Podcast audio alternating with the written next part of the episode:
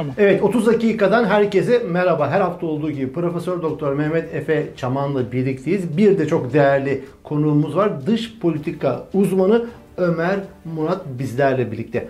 Ömer Bey hoş geldiniz. Mehmet Efe Hocam hoş geldiniz. Merhabalar Erkan Bey. Hoş bulduk, merhabalar. Bütün dünya istim üstünde. Savaş çıktı çıkıyor, çıktı çıkıyor. Haftalardan beri bununla oturup kalkıyoruz ama artık dün gece itibariyle sabahladık yani. Neler oluyor, neler bitiyor. İşte Rusya ve Ukrayna arasında müthiş bir gerilim var. Rusya e, bu e, Lugansk ve Donetsk e, bölgelerine e, güvenlik amaçlı askerlerini soktu. E, her an işgal kapıda ve onların bağımsızlıklarını kabul etti. Putin böyle açıklamalar yaptı. Karşılıklı açıklamalar devam ediyor Batı blokuyla Rusya cephesi arasında. Ambargolar açıklanıyor Batı cephesinden beraberinde ve Erdoğan da bu konuda tabii ki topa girdi. Rusya'nın Donetsk ve Lugansk kararı kabul edilemez dedi.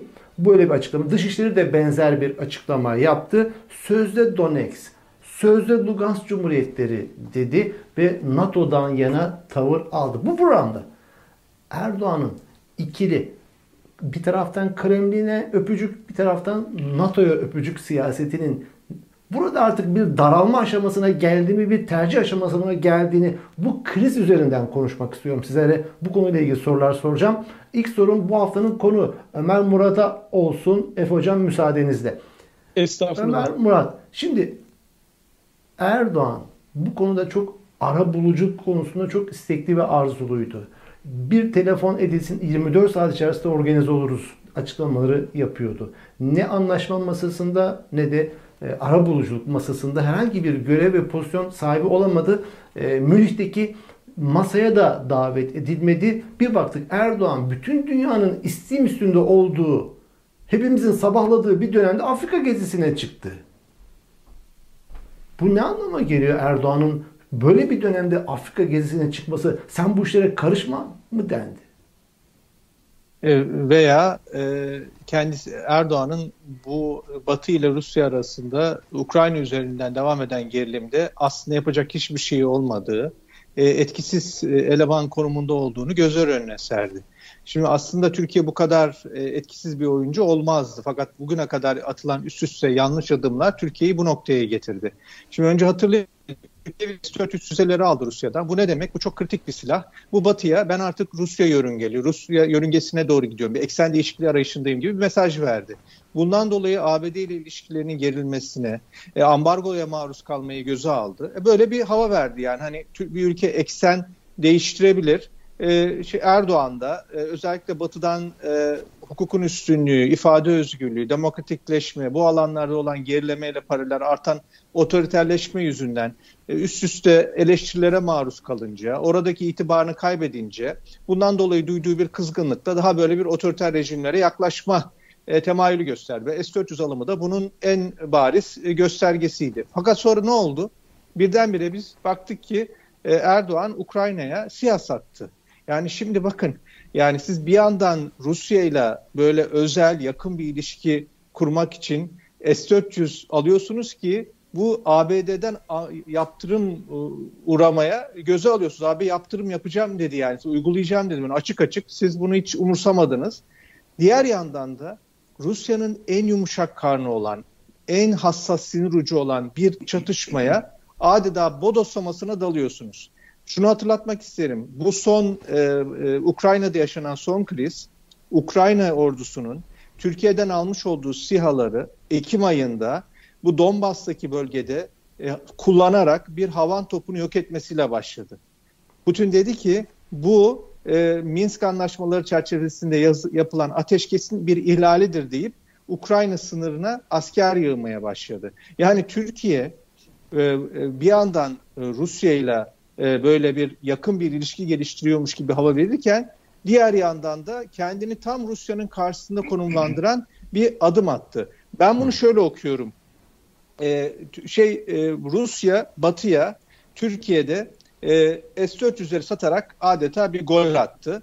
E, Batı da e, Türkiye'nin Ukrayna'ya e, bu siyahları satmasını temin ederek bu gole karşılık verdi. Burada Türkiye'nin rolüne maalesef bir piyondan ibaret. Benim şahsi görüşüm bu. Peki burada özür dilerim. Efe hocam size dönüş yapayım. Ee, sözü size vereceğim. Burada şimdi Erdoğan NATO'dan Batı dünyasına paralel bir duruş sergiledi. Biz dedi kabul etmiyoruz. Ukrayna'nın toprak bütünlüğü dedi. Aynı cümleleri kullandı. Denden koydu adeta. Rusya'ya karşı bir tavır anlamına da geliyor. Ama bir baktım bugün bu açıklamanın hemen peşi sıra bir haber düştü. Haber şu. S-400 filo komutanlığına bağlı personelin fotoğrafı medyaya verildi. Bir filo komutanlığı atanmış. Onun da fotoğrafları. Yani şimdi bir taraftan Rusya ile papaz olurken bir taraftan da S-400'leri biz çalışıyoruz, üzerindeyiz. İşte filo komutanlığının fotoğraflarını da piyasaya veriyor. Sosyal medyada dağıtımına veriyoruz. Buradan da bir ne mesaj çıkarıyorsunuz siz? Şimdi normalde gemilerin tek dümeni olur. Biliyorsunuz denizde, okyanusta giden gemilerin tek dümeni olur. Türkiye'de e, Türkiye'yi gemi analojisiyle ifade edecek olursak Türkiye'nin tek bir dümeni yok. Türkiye'de e, belki en büyük dümen Erdoğan'ın ellerinde gibi gözüküyor ama irili ufaklı başka dümenler de var. Onlar da geminin sürekli rotasında böyle yalpalamalara e, falan sebebiyet veriyor. Rotayı e, rotadan saptırıyor. Şunu söylemek lazım açık ve net olarak. Erdoğan tam anlamıyla Türkiye'ye hakim değil. Neden? Çünkü 2016'dan itibaren e, aslında 2013'ten itibaren ittifak yaptı. Fakat 2016'dan sonra artık göbek bağıyla ittifak yaptı. Bir, bir takım çevreler var. İşte Avrasyacı, derin devletçi. Bunların çok farklı yönelimleri var. Biz bunları konuşurken programlarda insanlar hep dudak büküyorlardı bundan 3-4 sene önce. Fakat şu anda onu görüyorsunuz. Yani Avrasyacı yönelimden yana olan askerler, bürokratlar veya işte bir takım siyasi kanattan olan insanlar e, Rusya'ya daha fazla yanaştırmak istiyorlar Türkiye'yi. Ha biraz önce şimdi Ömer Bey konuşurken Erdoğan'ın tercihlerinden bahsetti. O noktada da ben bir şey söylemek istiyorum. Şimdi Erdoğan normalde Rusya gibi e, otoriter eğilimli ülkelere yönelirken sadece Batı'ya kızgınlıktan dolayı bunu yapmıyor. Aynı zamanda Batı değerleriyle uyumsuz olduğu için bunu yapıyor.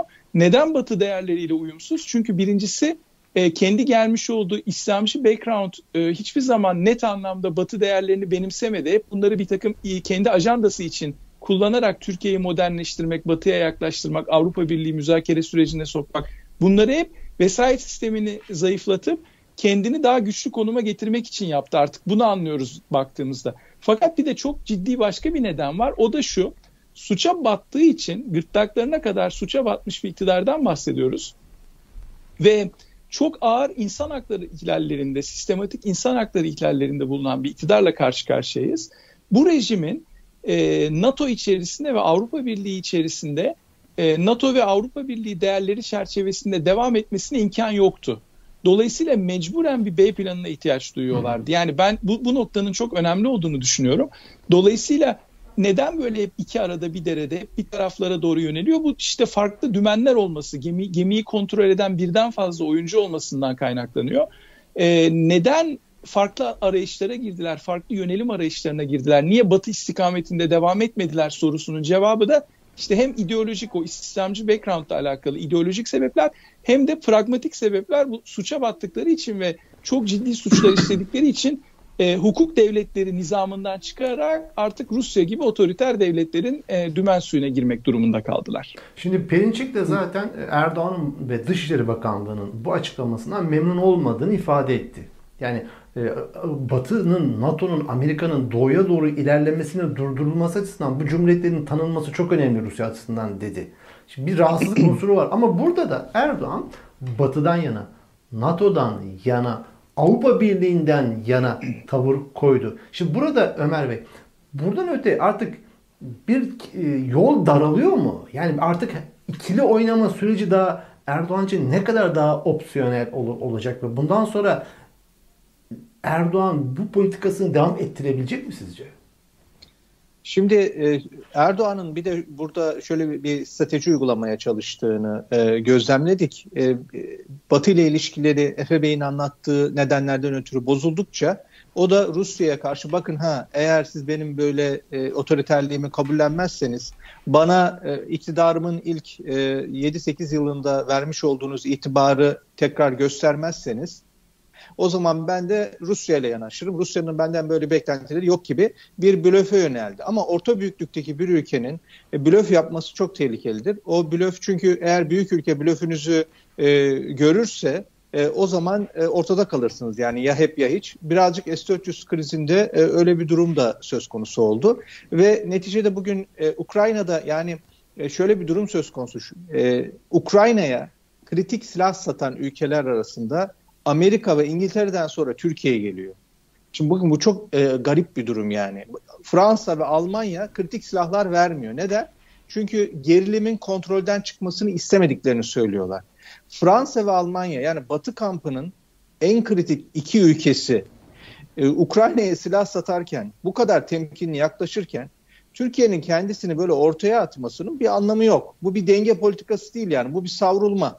E, bu savrulma da şimdi Rusya'da e, iyice sinirler yükseliyor. O gün e, görmüşsünüzdür o Putin'in Devlet Güvenlik Konseyi'nde istihbarat başkanını böyle öğrenci gibi e, şey yapması, azarlaması falan. Bu aslında Rus etiği içerisindeki bir e, şeye işaret ediyor, bir gerilime işaret ediyor ve biz Rus tarihinden çok iyi biliyoruz ki bu tip durumlarda Batı ile fazla gerilmeyi tasvip etmeyen her zaman belirli kesimler oluyor.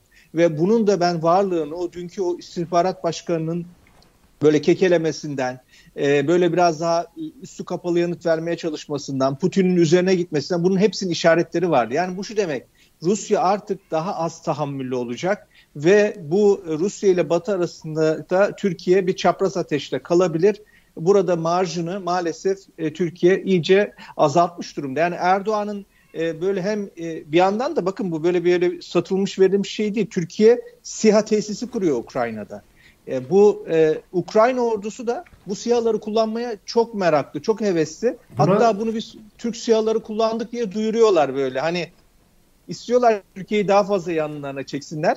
E, Türkiye'de beklersiniz ki bir şey olsun yani. Hani bunun farkında değil mi? Siz satmışsınız SİHA'ları. E, Ukrayna nerede savaşıyor? Doğusunda. Bunu orada kullanacağını da herhalde öngörmek çok zor değil. Türkiye'nin tepkisi şöyle oldu. Onlar Türk, Türk silahları değil. Onlara Türk silahları demeyelim. Ya böyle şey olur mu yani? Siz e, bu kritik silahı vereceksiniz. Ukrayna kullanınca da biz onu Ukrayna'ya sattık artık. Bizim sorumluluğumuz bunda yok denebilir mi yani? Bunu, Bunu Etiyopya'da da yaptılar. Addis Ababa Büyükelçiliği'nde kaldılar sonra. Bunu hani e, savrulma olarak hani e, ifade ettiğiniz o sihalar meselesinde ama neticede Erdoğan son dönemde damada ait olan bu SİHA üretimi damadının damadının pazarlamacılığını yapıyor. Afrika'da da bu pazarlamacılığa çıktı. Yani oradaki olay biraz savrulma mı? E, oradan 3-5 bir şeyler kazanma amacı mı? Yani neticede Erdoğan ailesi kazanıyor bu SİHA'lar ve İHA'lar meselesinde. Ve belki de bunun ısrarı var bunun arkasında. Peki devam edelim. Bu, kriz, e, Efe Hocam sizinle devam edelim. Şimdi bu kriz nereye varacak? Şimdi Batı dünyasının yerine yanında yer aldı Erdoğan. Hayır dedi. Özellik özellik yok kardeşim dedi. Rusya'nın karşısında. Batı dünyası şimdi ambargolardan bahsediyor. Hatta e, açıklamalar geldi. Şimdi bir takım banka, Rus bankalarına e, karşı hedef aldı Avrupa Birliği ve Avrupa pazarlarına Rusya'nın ulaşımını, erişiminin engellenmesiyle alakalı şimdi planlar var. Peki Türkiye, Türkiye derken Erdoğan yani Türkiye'de bir şey kalmıyor. Erdoğan, şahsın devleti. Bu konuda ne yapacak? Erdoğan da bir ambargo koyabilecek mi gibi lüzumsuz bir soruyu sorayım ama bu cevabı bunun bu lüzumsuz sorunun cevabı lüzumlu. Efe hocam ne diyorsunuz? Şimdi şunu söylemek lazım. Ömer Bey'den e, yine Ömer Bey'e referans vererek söyleyeyim. S-400'lerle bağlantı kurarak bunu yorumlamak mantıklı olacak. Şimdi siz bir NATO üyesisiniz. NATO üyesi olarak size teşkilat yani NATO başta da Amerika Birleşik Devletleri Washington diyor ki bu S-400'leri almayacaksınız, kullanmayacaksınız. Türkiye bunları aldı ve ikinci parti sevkiyat da yapıldı biliyorsunuz. Ee, şimdi bu noktada değerlendirmek gerekirse Türkiye aslında hiç o batıdaki e, Ukrayna politikalarına uygun e, siyaset izleyebilecekmiş gibi görünmüyor. Şimdi işbirliği dediğimiz zaman şöyle bir sıkıntı zaten e, hasıl oluyor. Türkiye çok uzun zamandır Rusya ile biliyorsunuz yakın flört halinde çok yakın ilişkileri var.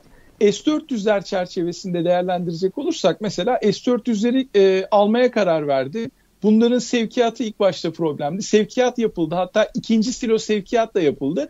Şimdi şu an NATO çerçevesinde NATO'nun dümen suyuna uygun bir şekilde hareket edecek mi dediğiniz zaman karşımızda böyle bir Türkiye profili var.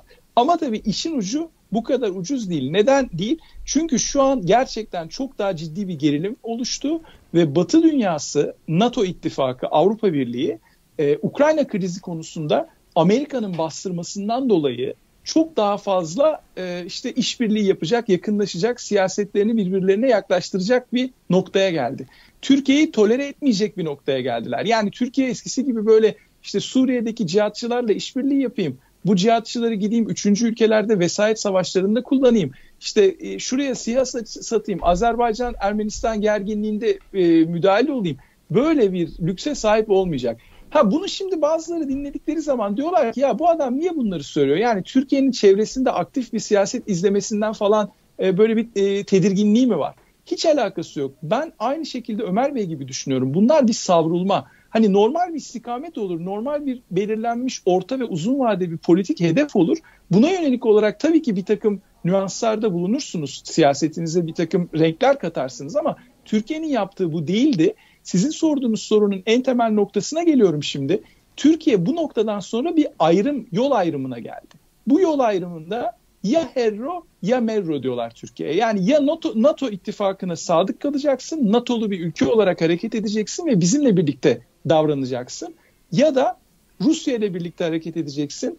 Şimdi Türkiye böyle bir ayrım hattına geldiği zaman diyeceksiniz ki bunun ne önemi var? Rejim açısından çok önemli. Çünkü rejimin kompozisyonuna baktığınız zaman Birincisi pragmatikler var. Pragmatik kanat Erdoğan ve çevresi yani bunlar için NATO'ymuş, Rusya'ymış pek, pek önemi yok. Bunlar iktidarlarını devam ettirmek ve e, işte e, şeye yolsuzluk ekonomisine ve insan hakları ihlallerine işte tırnak içinde FETÖ'nün takibatı vesaire gibi politikalara devam etmek istiyorlar.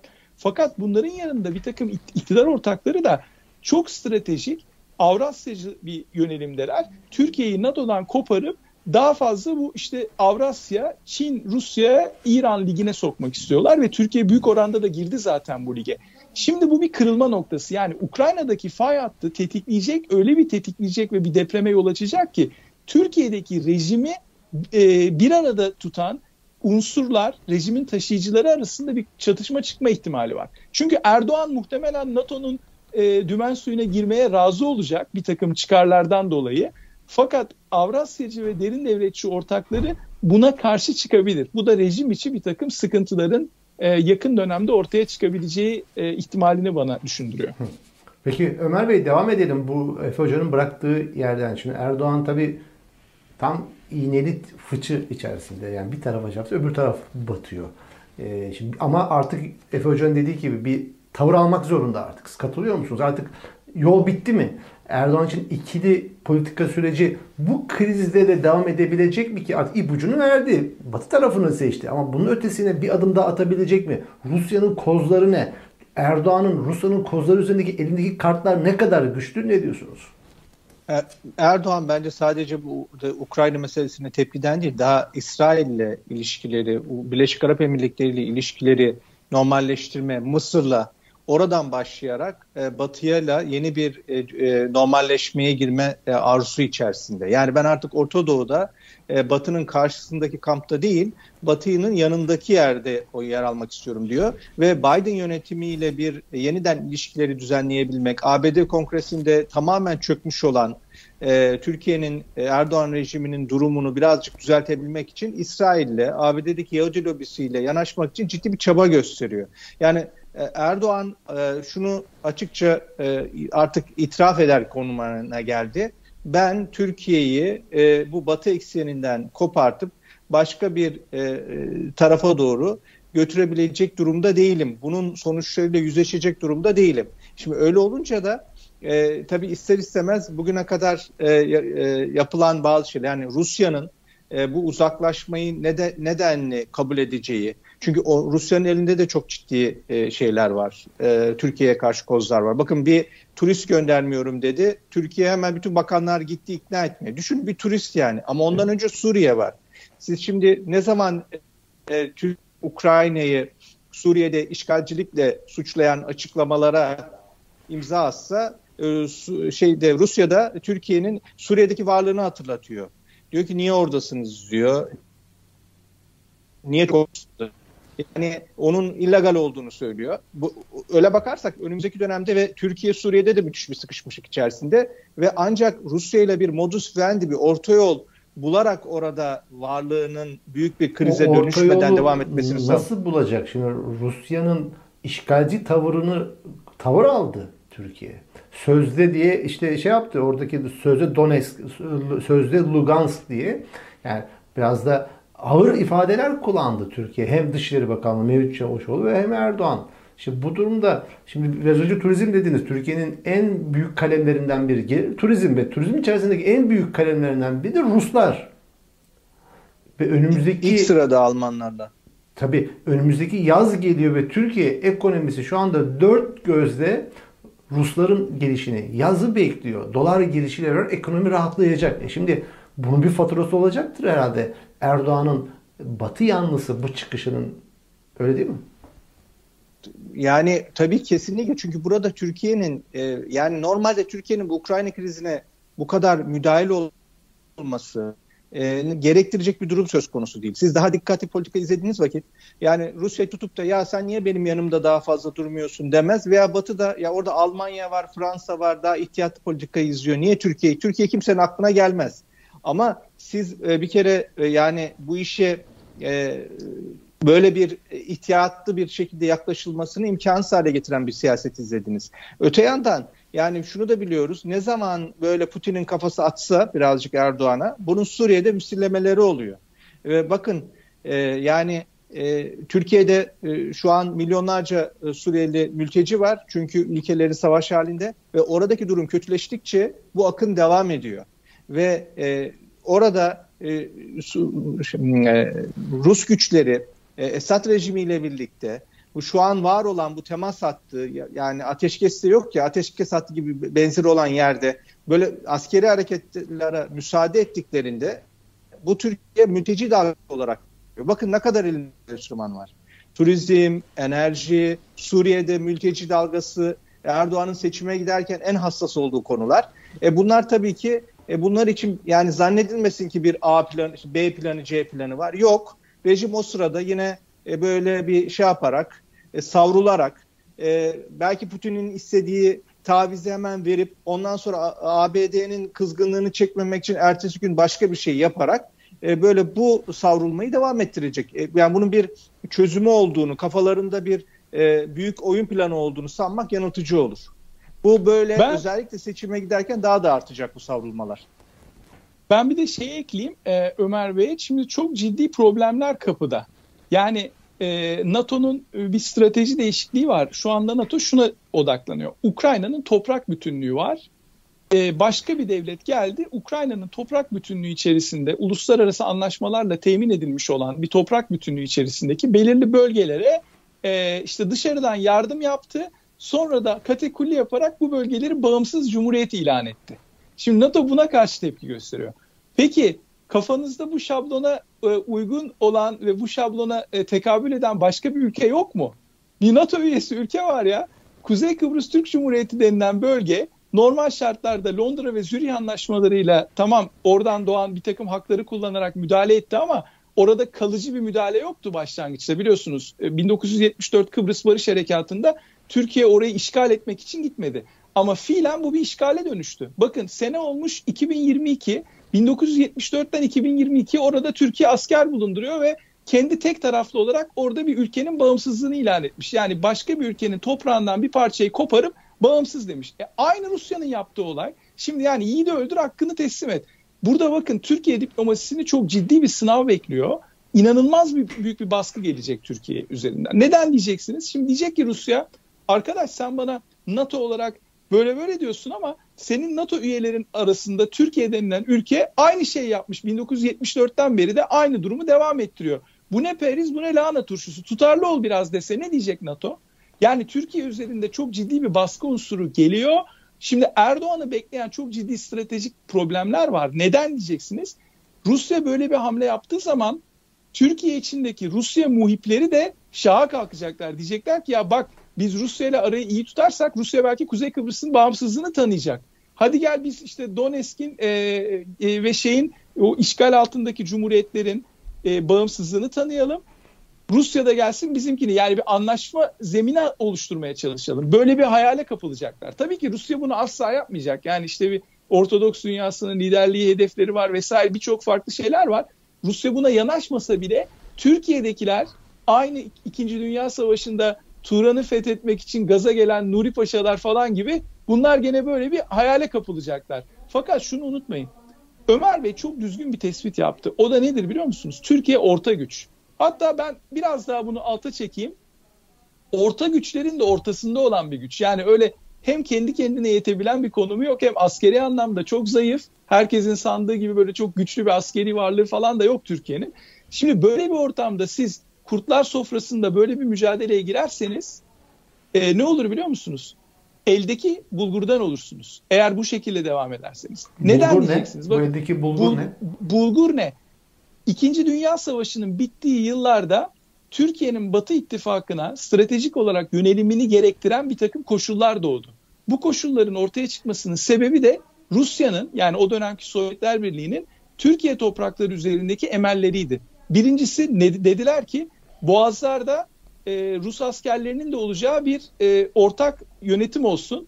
İkincisi Kars, Ardahan gibi Rusya sınırına yakın olan Gürcü ve Ermeni e, Sovyet Cumhuriyetlerinin hak iddia ettiği bölgeleri de e, sınırları yeniden çizerek Sovyetler Birliği'ne devredin dediler. Bunu Potsdam'da söylediler, Yalta'da söylediler, diplomatik notalar vererek e, bunu söylediler ve Türkiye'nin kendisini savunacak gücü yoktu. O dönemde Sovyet sınırına soba boruları koyarak bunları top gibi uzaktan görülmelerini sağlayacak şekilde yani bu kadar zayıf bir konumdaydı Türkiye. Dolayısıyla NATO'ya girdi. Şimdi bakıyorsunuz sanki NATO işgalciydi. Bütün 1945 ile e, 2022 arası NATO işgalci Türkiye'ye kötü şeyler yaptırdı. Türkiye'de işte anti komünizm üzerinden e, operasyonlar çektirdi, darbeler yaptırdı. E ulan siz girdiniz NATO'ya, siz girmek istediniz. NATO'ya girmeseydiniz Sovyetler Birliği e, 3-4 gün içerisinde Türkiye'nin belirli bölgelerini işgal edebilecek kapasitedeydi. Nasıl Doğu Avrupa'da yaptılar bunu? Yapmadılar mı Doğu Avrupa'da? Şimdi siyasi tarih bunları öğretiyor. Fakat öğrenmek istemeyen ebleh bir kitle var karşımızda. Bu ebleh kitle de bugün işte bu bahsettiğimiz e, rejimin içerisindeki karar alıcılar. Yani ben bu kadar açık konuştuğum için özür dilerim ama yani bazı akademis, akademisyenler böyle lafı dolandırıyorlar falan. Bakın bu kapasitesizlik yani e, kifayetsiz muhterislikle alakalı bir nokta. Türkiye o kadar kritik bir coğrafyada ki bu kadar yaptıkları üst üste hatalardan sonra bunun bedelini çok ciddi ödeme tehlikesiyle karşı karşıya. Ondan dolayı söyledim yani eldeki bulgurdan olma meselesini. Yani ben evet. burada hani bırakayım daha fazla yorum yapmayayım. Belki Ömer Bey de etkili, e, eklemeler yapmak Ömer Bey kaldığınız yerde devam edelim. Artık programı da artık bağlayalım. E, sürenin sonuna doğru geliyoruz. Şunu, ben de e, bu kriz bağlamında yani her, e, şunu söylemek istiyorum. E, ben Baltıklar'da görev yaptım. E, burada malum sadece Ukrayna değil Belarus'ta da bir kriz var. Neden bu kriz yaşanıyor? Ve Putin dün dedi ki işte Ukrayna e, Rusya'nın emperyal toprağıdır falan. Bu çok doğru değil. Evet doğu tarafı öyle ama Ukrayna'nın batı tarafı eskiden Avusturya Macaristan İmparatorluğu'na, e, Polonya Litvanya İmparatorluğu'na bağlıydı. Yani Avrupa'ya çok bağlı bir yer Ukrayna ve Belarus. Bu Rönesans, reform dediğimiz gelişmelerden çok etkilenmiş bir yer. Avrupa orayı bir parçası olarak görüyor. Ne oldu? Polonya ve Baltık ülkeleri Avrupa Birliği'nin bir üyesi oldular. Ee, Ukrayna ve Belarus ise daha çok Rusya tarzında rejimler olarak böyle oto, e, oligarkların etkin olduğu, demokrasinin zayıf olduğu rejimler oldu. Bu ülkelerin insanları birbirlerine çok yakın. Yani Belarus'ta, Baltık ülkelerinin bunlar bir baktılar ki ya bunlar biz yani mesela Polonya'da bakıyor Ukrayna. Ya Polonya sosyoekonomik açıdan durmadan ilerliyor. E benim Polonya'dan bir farkım yok ki insan gücü olarak, şey olarak. Ben niye geride kalıyorum? Aynı şey Belarus'ta diyor. Onların da Baltık ülkeleri. Hepsi AB ülkesi oldu. Sosyoekonomik açıdan ilerliyorlar evet çok mükemmel değiller ama Belarus'la kıyasladığında çok daha iyi durumdalar. Toparlarsak. Bundan dolayı bir baskı oluştu. Yani şu anda burada bu kavgada aslında yani Batı sistemine e, bu e, yani orada eleştirecek çok yönü var. Ama önümüzde bazı tercihler var. Kendi başımıza bir dünya kuramayız. İşte eleştirilecek yönleri olmakla birlikte bir batı sistemi var, ekonomik sistemi var. Ona mı entegre olacağız? Yoksa bir de böyle otokrasiler var kafalarına göre takılan ve bunların sorunları var. Bakın sınırda yer alan ülkelerde istemiyor halk. Batı sistemine entegre olmak istiyor. O yüzden bunun sıkıntıları çıkıyor. Burada Türkiye zaten girmiş bu sisteme NATO'suyla, Avrupa Konseyi'yle. buradan artık yani Amerika'yı bir daha keşfetmeye gerek yok. Bu, bu Türkiye'nin girmiş olduğu eksende Türkiye e, daha fazla çıkarlarını ilerletmeye odaklanmalıydı. Umalım ki Erdoğan rejimi sonrasında bu düzeltme olur. Türkiye geleneksel siyasetine geri döner. Çünkü bunun artık bir e, çık e, bir e, e, Türkiye bir çıkmaza girdi ve bu tıkanıklığı aşmanın da pek bir e, şeyin olmadığı, e, ortada bir çözüm olmadığı da giderek daha fazla anlaşılıyor. Evet yani Rusya eksenine doğru savruldu Erdoğan ama bu biraz da işte yolsuzluklarının ortaya çıkmasıyla işte Avrasyacı eksene yakınlaşması onlarla birlikte sen benim sırtımı kaşı ben senin sırtını kaşıyım beraber o eksene doğru kaydı. Biraz da mecburiyetten oraya doğru kaydı ve aslında hayalindeki siyaset düzeni de daha otoriter bir düzende aslında Çin'de ve Rusya'da gördü Erdoğan. O açıdan da belki biraz kalbi bir yakınlık da hissetmiş olur ama siyasal İslamcı damar açısından baktığınızda Moskova'nın göbeğine Hak Yol İslam yazacağız marşlarıyla büyümüş bir adamdır e, neticede Erdoğan. Hani Moskova ile çok ayılıp bayılmaz kökleri ve genleri itibariyle baktığımızda siyasal İslamcı genleri. Şimdi konuyu dağıtmadan Efe Hocam son soru olarak size de ben sözünü, söz vereyim. Putin bu krizde Türkiye ne tür faturalar çıkaracak başka? Şimdi Putin e, Putin şöyle faturalar çıkaracak. Birincisi e, Putin de e, resti çekecek. Diyecek ki e, ya bizden bizim tarafımızdasın ya da NATO'nun tarafındasın. Türkiye bu durumda Putin'in tarafını seçemez. Böyle bir opsiyon yok. Putin de bunu biliyor zaten. Dolayısıyla çok fazla bastırmasına da bu noktada gerek olacağı kanaatinde değilim. Ama bakın asıl mesele, temel mesele şu. Türkiye her zaman e, küresel siyasetteki ve özellikle Avrupa siyasetindeki etkileri açık bir ülke oldu. Hem coğrafi anlamda hem kültürel anda, anlamda hem de siyasi geçmişi itibariyle. Son 200-250 yıllık modernleşme çabaları açısından bakarsanız Türkiye'nin demokratikleşmesi hep batıda çıkan sistem yönelimleri veya batıdaki kırılmalardan dolayı oldu. Bir örnek vereyim mi size? Bakın çok basit bir örnek. İkinci Dünya Savaşı bittikten sonra Türkiye çok partili rejime geçti. Neden çok partili rejime geçti? Geçmek zorundaydı. Çünkü Birleşmiş Milletler'in kurucu üyesi olabilmesi için demokrat bir ülke olması gerekiyordu. Göstermelik de olsa bunu yaptılar. Şimdi bakın şu anda da yeniden yeni bir dünya kuruluyor. Yeni bir soğuk savaş. Buna ikinci soğuk savaş diyebilirsiniz. Rusya perspektifinden birinci soğuk savaş hiç bitmedi. Yani 1945 ile 1991 arası soğuk savaş batıdaki narratife, anlatıya göre bitti ama e, Rusya bunu hiç kabul etmedi. Şu anda Batı da artık yalın gerçekle karşı karşıya. Soğuk savaş bitmedi. İkincisi olarak devam ediyor. Türkiye bu soğuk savaşta yer almak zorunda. Neden yer almak zorunda? Başka bir opsiyonu yok.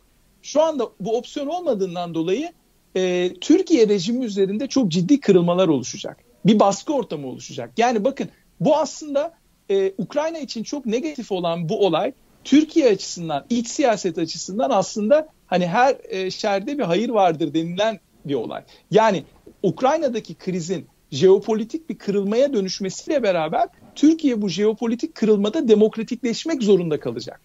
Ve şu anki yöneten e, elitler, elitleri tırnak içinde alıyorum. Elit falan değiller de yani yönetimde oldukları için öyle söylüyorum.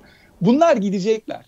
Bunların gitmesine çok az kaldı. Bunun sebebi e, NATO, Avrupa Birliği ve Batı ittifakının etkisi çok daha hissedilecek bir noktada.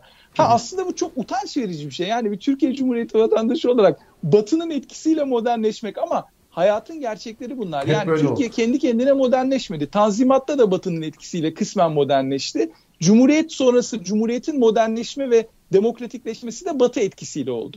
Gene bir Batı etkisi, bir üçüncü dalga oluşacak. Bu üçüncü dalga içerisinde ümit edelim bu sefer gerçekten hukuk devletine dönüşsün. Yani tepe taklak olup gerçek anlamda demokratik bir cumhuriyete e, evrilsin e, diyelim. Fakat tabii bunun için biraz daha bekleyip e, görmek Dış gerekecek. Çok erken e, evet. E, süreci ne vahimdir Türkiye'nin makus tarihi. Vatandaşın, Aynen. toplumun talebi üzerine değil, Batı'nın arzu ve talepleri üzerine demokratikleşme mecburiyeti çok hazindir yani. Çok hazindir. Türkiye'nin gerçekleri. Ömer Bey son birkaç cümlesinden alayım. Bu haftanın konu olarak sizinle başladık, sizinle bitirmiş olalım. Ee, ben de açıkçası e, Türkiye'nin e, tekrar e, bu, geleneksel siyaset yani 200 yıllık geçmişimiz Türkiye'nin Batı ile ilişkilerini kendi ulusal çıkarları çerçevesinde en iyi şekilde yönetmesini gerektiriyor. E, bunu yapabildiği müddetçe Türkiye'de istikrarlı bir rejim kurulacaktır. Hukukun üstünlüğü ve demokratik alanlarda gelişme olacaktır. Türkiye'nin tek başına yani ne, de, ne demişti hatırlarsanız biz Kopenhag kriterlerini bir kenara koyarız. Ankara kriterleri der, devam ederiz demişti. Ondan sonra birkaç yıl sonra e, Dışişleri Bakanlığı dedi ki ya şimdi siz bu kadar hep bizi eleştiriyorsunuz. AB raporlarında Türkiye yerden yere vuruluyor. Yani o tam fotoğraf ortaya koyuluyor.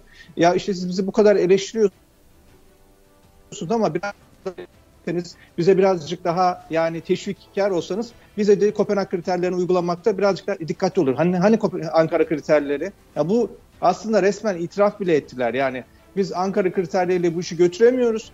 Eğer siz bizi e, demokratikleşme ve hukukun üstünlüğü konusunda e, belli bir noktaya getirmek istiyorsanız lütfen bize daha e, şey e, pozitif raporlar yazın hakkımızda Hı. deyip bunu itiraf ettiler. Yani bunu rejim de itiraf etti. Umalım evet. ki bir an evvel e, bu e, Türkiye'nin geleneksel siyasetine dönülerek e, e, bu e, e yanlışlardan dönülür öyle söyleyeyim. Evet umarız. Evet, programın böylelikle sonuna geldik. Programda Ukrayna-Rusya geriliminde, krizinde Türkiye'nin durumunu, Erdoğan'ın siyasetinin durumunu ve sonuçlarını tartıştık, konuştuk. Teşekkür ediyorum. Tekrar görüşmek dileğiyle. Görüşmek üzere. Sağ olun. Çok teşekkürler.